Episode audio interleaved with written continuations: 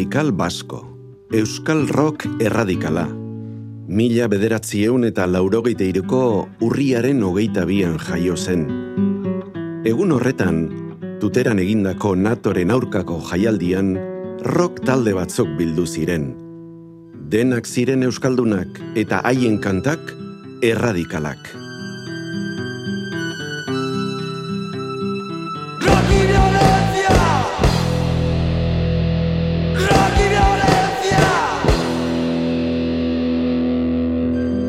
Laurogeiko hamarkadako egoera soziopolitiko nahasiaren isla ziren. Cuando haces canciones del rollo punk, se trata de molestar. Si hago una letra y no ofendo a nadie, pues al final no tiene mucha gracia. Nico Vázquez da. MCD talde Bilbotarraren sortzailea eta basu jotzailea. La música que hacíamos eh, estaba reflejada totalmente por la realidad social y política que estábamos viviendo en ese momento. Quisieron vender un mundo de colonines y sin embargo eh, nosotros no, no, vivíamos eso, lo nuestro no, no tenía color. Bera, Nekane Vázquez da, Nikoren arreba eta Las Bulpeseko gitarrista. Mila bederatzion eta laurogeita bian sortu zen emakumez osatutako taldea.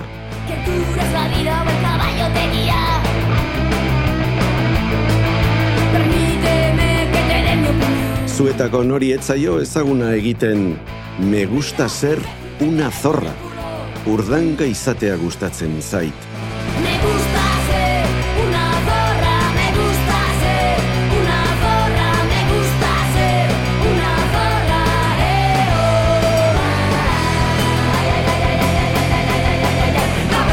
En el fondo nosotros queríamos desdramatizar toda esa situación de, que había aquí, de violencia política, de violencia verbal, incluso de violencia en los conciertos. Elena Lópezek, potato taldean, gitarra jotzen zuen. Si se señala per se que el rock radical vasco es un movimiento político y politizado desde, desde el primer momento es porque eh, hay una gran mayoría de canciones en las que se trata, por un lado, eh, la crisis eh, social, la crisis política derivada del día a día, el terrorismo en, en, en, las calles, de la violencia y abusos policiales en, las calles, del conflicto político también, eh, para bueno, eh, conseguir esa Euskadi independiente. y eso se ve en muchísimas, en muchísimas letras y, está patente. David Mota, Los 40 Radicales, liburuaren egilea. Gaztea izan arren, Euskal Rock erradikala bere soinu banda izan dela dio. Idazlanak mugimendu horren esanai politikoa aztertzen du. Resiste, resiste, Claramente pues sí que era político, porque era todo política en aquel entonces. La calle era política. Era puro activismo y militarismo por todas partes, ¿no? Ahots hau ezaguna duzue, seguruenik, Roge Blaskorena da hogeita amazazpi urte baino gehiago daramatza, Lebando Anklas irratsaioa zuzentzen Radio Euskadin. Oso gertutik bizi izan zuen rock radical vasco etiketa. Salió en las páginas de Placa Click de Legin, la página pues escribíamos José Mari Blasco y, y yo. Laurogeiko amarka da, ekonomikoki, oso garai zaile izan zen Euskadirentzat. Se perdieron miles y millones de empleos en todo el país. Nosotros socialmente fuimos a, a Cáritas a pedir dinero, o sea, nosotros no teníamos un duro, los jóvenes no tenían trabajo. Yo vivía en un barrio y en el barrio teníamos a la policía ahí cacheándonos, por si acaso. Quiero decir que, el que los que nos hacían la vida imposible eh, era el Estado.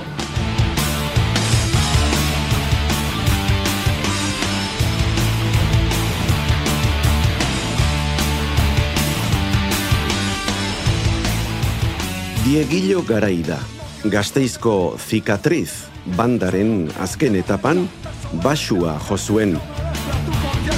Había temporadas que tenías que ir con el DNI en la boca, ¿no? Belen Mijangos, el tubo musika aldizkariaren zuzendaria.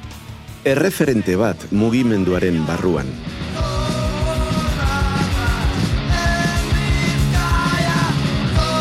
Gazten langabezia, drogen kontsumoa, desilusio politikoa, kaleko mobilizazioa, etaren garai gogorrena, errealitate hori islatzen, Euskal Rock erradikalaren kantak. Gazte bat, droga zitzen da, atrakoak, ikete terrorista bat, denak, denak, paperetan daude, zu, zu, atrapatu arte. Evidentemente hay canciones que nos van a chirriar, que nos van a rechinar, como por ejemplo eh, Desobediencia de cicatriz, en la que directamente señalan hay que machacar al clero, matar a la policía, toda esa puta gente no son más que porquería.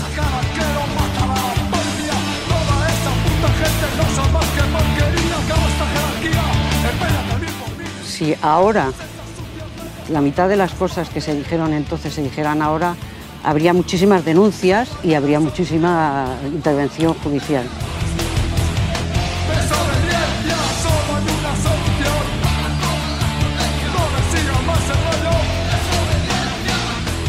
Ezkerra bertzaleak erabili egin zituen, musika mugimendu honi egiten zaion galdera da hori. Argi dago, hasieran ez zela bere gustukoa izan. Larogei garrena markaren hasieran eh, ezkera bertzalea oso uskur, oso mesfidati zegoen eh, punke mugimendu guzti horrekin. La rico de, del casco viejo nos ha echado, nos ha echado a, a hostias, porque con chupas de cuero allí no. Gutxi ezpen horren zergatia, Josu Larrinagak. Euskal Herriko Unibertsitateko Gizarte Antropologiako irakasleak eman digu. Larogei garrena markaren hasieran eh, bertzalea oso uskur, oso mesfidati zegoen eh, punke mugimendu guzti horrekin. Desordena zelako, drogak nola baite erabiltzen zirelako, gaztetxeak eh, kontrolagatzak eh, zirelako, jende gaztea mugida punketan eta mugitzen zena insumizioaren alde zegoen, eta eurek e, ondino pensatzen zuten gazteek soldaduzka egin behar zutela.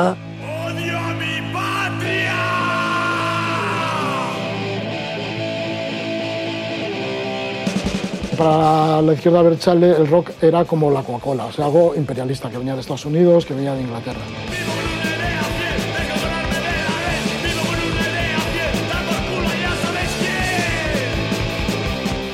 Arrakastarekin dan aldatzen da.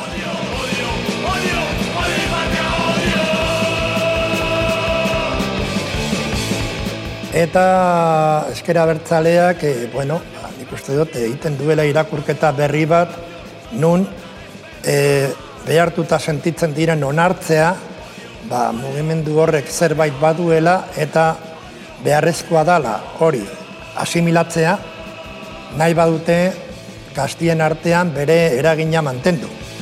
Josu Zabala musikagilea eta ertzainak taldearen basua. Euskaraz abesten zuen rock taldea zen eta horregatik kontrakulturaz eta urratzailez josie izan zen. Josuk uste du zorabio ura ez zela ona izan. Ezkera bertzaleak, e, bueno, islatzen zuen sentimentu antirepresibo hori eta hor zegoen gurekiko lotura handiena. Hor sortu zen simbiosi batzuetan gaiztoa, baina simbiosi bat Euskal Rokaren eta politikaren artean.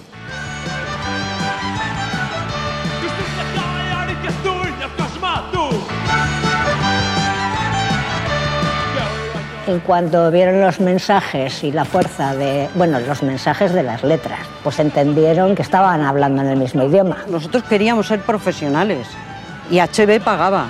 Sí, sí, era gente que, que pasó de- del kaiku a llevar chupa de cuero.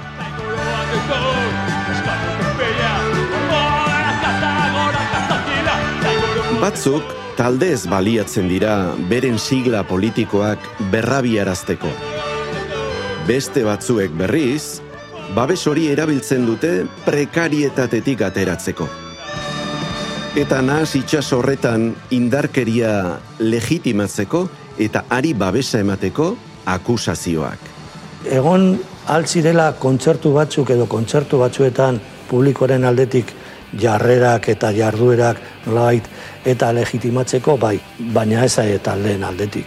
Realmente no eh, éramos conscientes de, de, que estábamos apoyando de manera inconsciente eh, un determinado discurso que se pudieran considerar enaltecimiento del terrorismo, hay determinadas letras que sí. Badagortik barrikadaren oso kanta eh, famatu bat, ez da, eh, nunca tendrán las armas la razón, pero alguien tiene que tirar del, del gatillo. Garai baten, kontzertu multitudinarioetan eta esaten zuenean, pero alguien tendrá que tirar del gatillo, ba, zegoen ba, e, publikoaren alde batek esaten hor botatzen zuen etengabe eta, eta, eta, eta, ez da.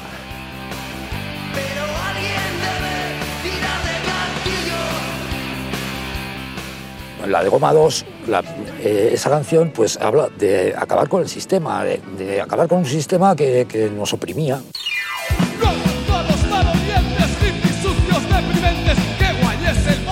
Las letras de las canciones no eran en realidad de apoyo a ETA, sino contra el sistema eh, en general.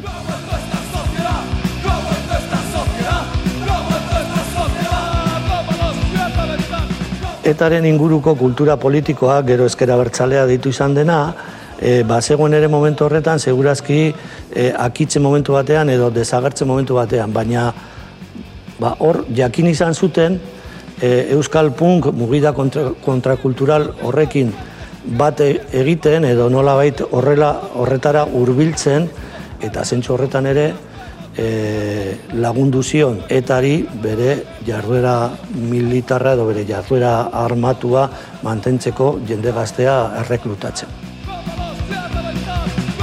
Nunbait e, ezkera bertzalearen zat, e, musikarena oso gauza importantia zan. Zalako giltza bat gaztediarekin konektatzeko. Nola bait, e, arrain hoiei e, itxaso bat e, eskaini, eskaini zion. Horrekin zer esan nahi da, kontzertu egitara juten zan jende guztia etaren alde zegoen? Etaren biktima izan zen Juan Mari Jauregiren alaba, Maria Jauregi da interpelatua sentitu dena. Maria, zu noizbait ireindua sentitu zera letraren batekin? Gogoratzen duzu kantaren batek afektatu izan azuri, pertsonalki? Galdera hori egin behar da, zalantzari gabe. Eta Julen Hernandez youtuberrak egin dio. Esea egon zen ez, salaketa jasozun, barrikadak ere bai, eta horiek beti izendatu dituzte ba, proetarra bezalako talde gisa ez, eta nik entzun ditu talde horiek ez nire ni musika, beraien musika entzuten, entzuten nuen, ez? Eta ez naiz, ez naiz probetarra konsideratzen, ez? Badaude jendea elkartzen dena eta ideiak ados dauzkatenak, bai, baina dena ez da holan. Labazu, rap kantariak iradoki du. Nire tesian, e, bos mila kantu baino gehiago aztertu nitun, eta hoietan kantu bakar bat topatu dut e, e, biktimak edo aipatuz. Tesi hori Joseba Martinena da, La Jungla Sonora irratsaioaren gidariarena. Hiru urte baino gehiago eman ditu, mila bederatzieun eta irurogei eta bi mila tamar bitarteko euskal musikaren errepertorioa aztertzen. Eta da, e, Donostiako talde bat, kalean, esanez, hiperkor e, gertatu dana, ja e, paso de patria, paso de banderas, paso de todo. Horia kantu bakarra, ia bimilatan, orduan, nahiko adierazgarria da, hori, ezta? Una de las veces que fui a Madrid, estaba con mi hermana, con mi hermana, en el coche, y entonces, pues, eh, había un cartón atrás y lo, lo iba a tirar No, no, no lo tires, no lo tires, no lo tires, que lo uso para mirar debajo del coche. Claro, ¿por qué no? Era la mujer de, de un, no sé, que, me, que, era coronel o algo así, mi, mi, mi cuñado. ¿Entiendes? O sea, yo Claro que, me, que, estoy muy afectada. La canción está Ruido de Sables. La letra dice más o menos, estoy esperando escuchar el telediario para oír la noticia de otro atentado y, y saber que así, que todavía estoy vivo, me siento vivo y no sentimos pena por teneros bajo tierra. Pero bueno, esa canción se refiere a la- al asco que le teníamos a, a los militares. Cuando estoy en casa, escuchando el telediario, puedo escuchar la noticia de otro atentado. Las víctimas de ETA tienen motivos para sentirse ofendidas por algunas letras. Y sin embargo creo que era una forma de expresarse. Euskal rock erradikala gizartearen aldaketa aldarrikatzen zuen belaunaldi baten musika izan zen. Baina horrek ez du esan nahi mugimendu horretara ikuspegi kritikorik hurbiltzerik ez dugunik. Eso que dice que te caes del caballo, yo me he caído del caballo. eh, eh, sea, yo estaba a favor de ETA, yo estaba a favor de que ETA mate, yo estaba a favor de que ETA triture, descomponga, yo estaba a favor de que el caos y la destrucción se apoderen del mundo y de que, y de que todo explote. Es que no se puede decir explota cerdo. Es que no. No, está mal. Porque ¿quién es el cerdo que explota?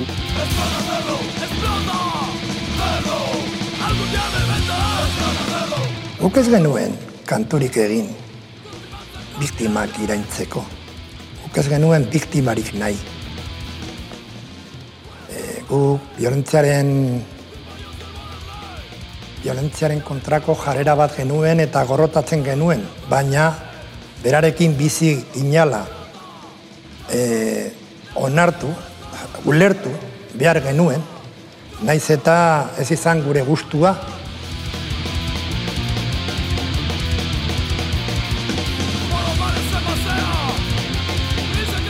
Berrogei urte geroago, musikaren munduan adierazpen askatasunaren aurkako oldarrek kaltetutakoak asko direnean, galdera hau egin dugu. Jakin genuen diskurtso politiko jakin bat babestu ahal izan zuela? Biktima batzuk agian minduta sentitu zirela sufrimendua berpizten zielako? Euskal rock erradikala indar eta amorru handiz atera zen, eta agian mugak gainditu ziren. Jarri behar badira, noski. Cuando tienes 20 años, evidentemente piensas que esa música es lo mejor, da igual la letra, lo que te gusta es que, que sea música rápida, que, que te haga vibra- vibrar, que te haga saltar en los conciertos. Yo creo que el ejercicio interesante es reflexionar sobre aquello y dejar de mirarlo con nostalgia para no distorsionar. Reflexión, yo te puedo asegurar que en ese momento yo no hacía ninguna reflexión.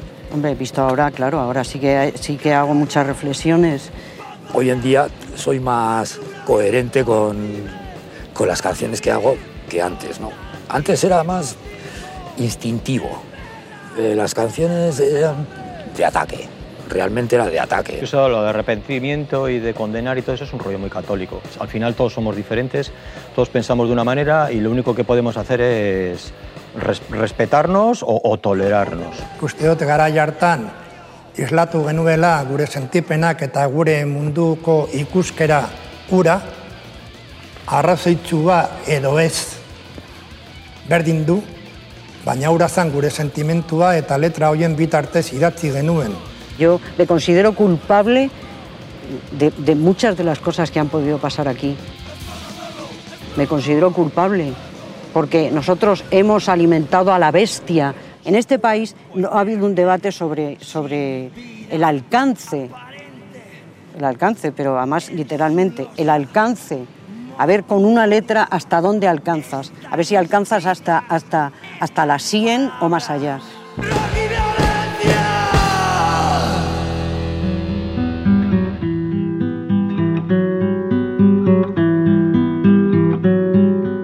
Atal honetan azaldu diren testigantzak eta kantak New Digital Media Euskadik Euskal Telebistarentzat eta Gogora Institutuarentzat ekoitzitako Euskal Rock Radikala dokumentaletik hartutakoak dira.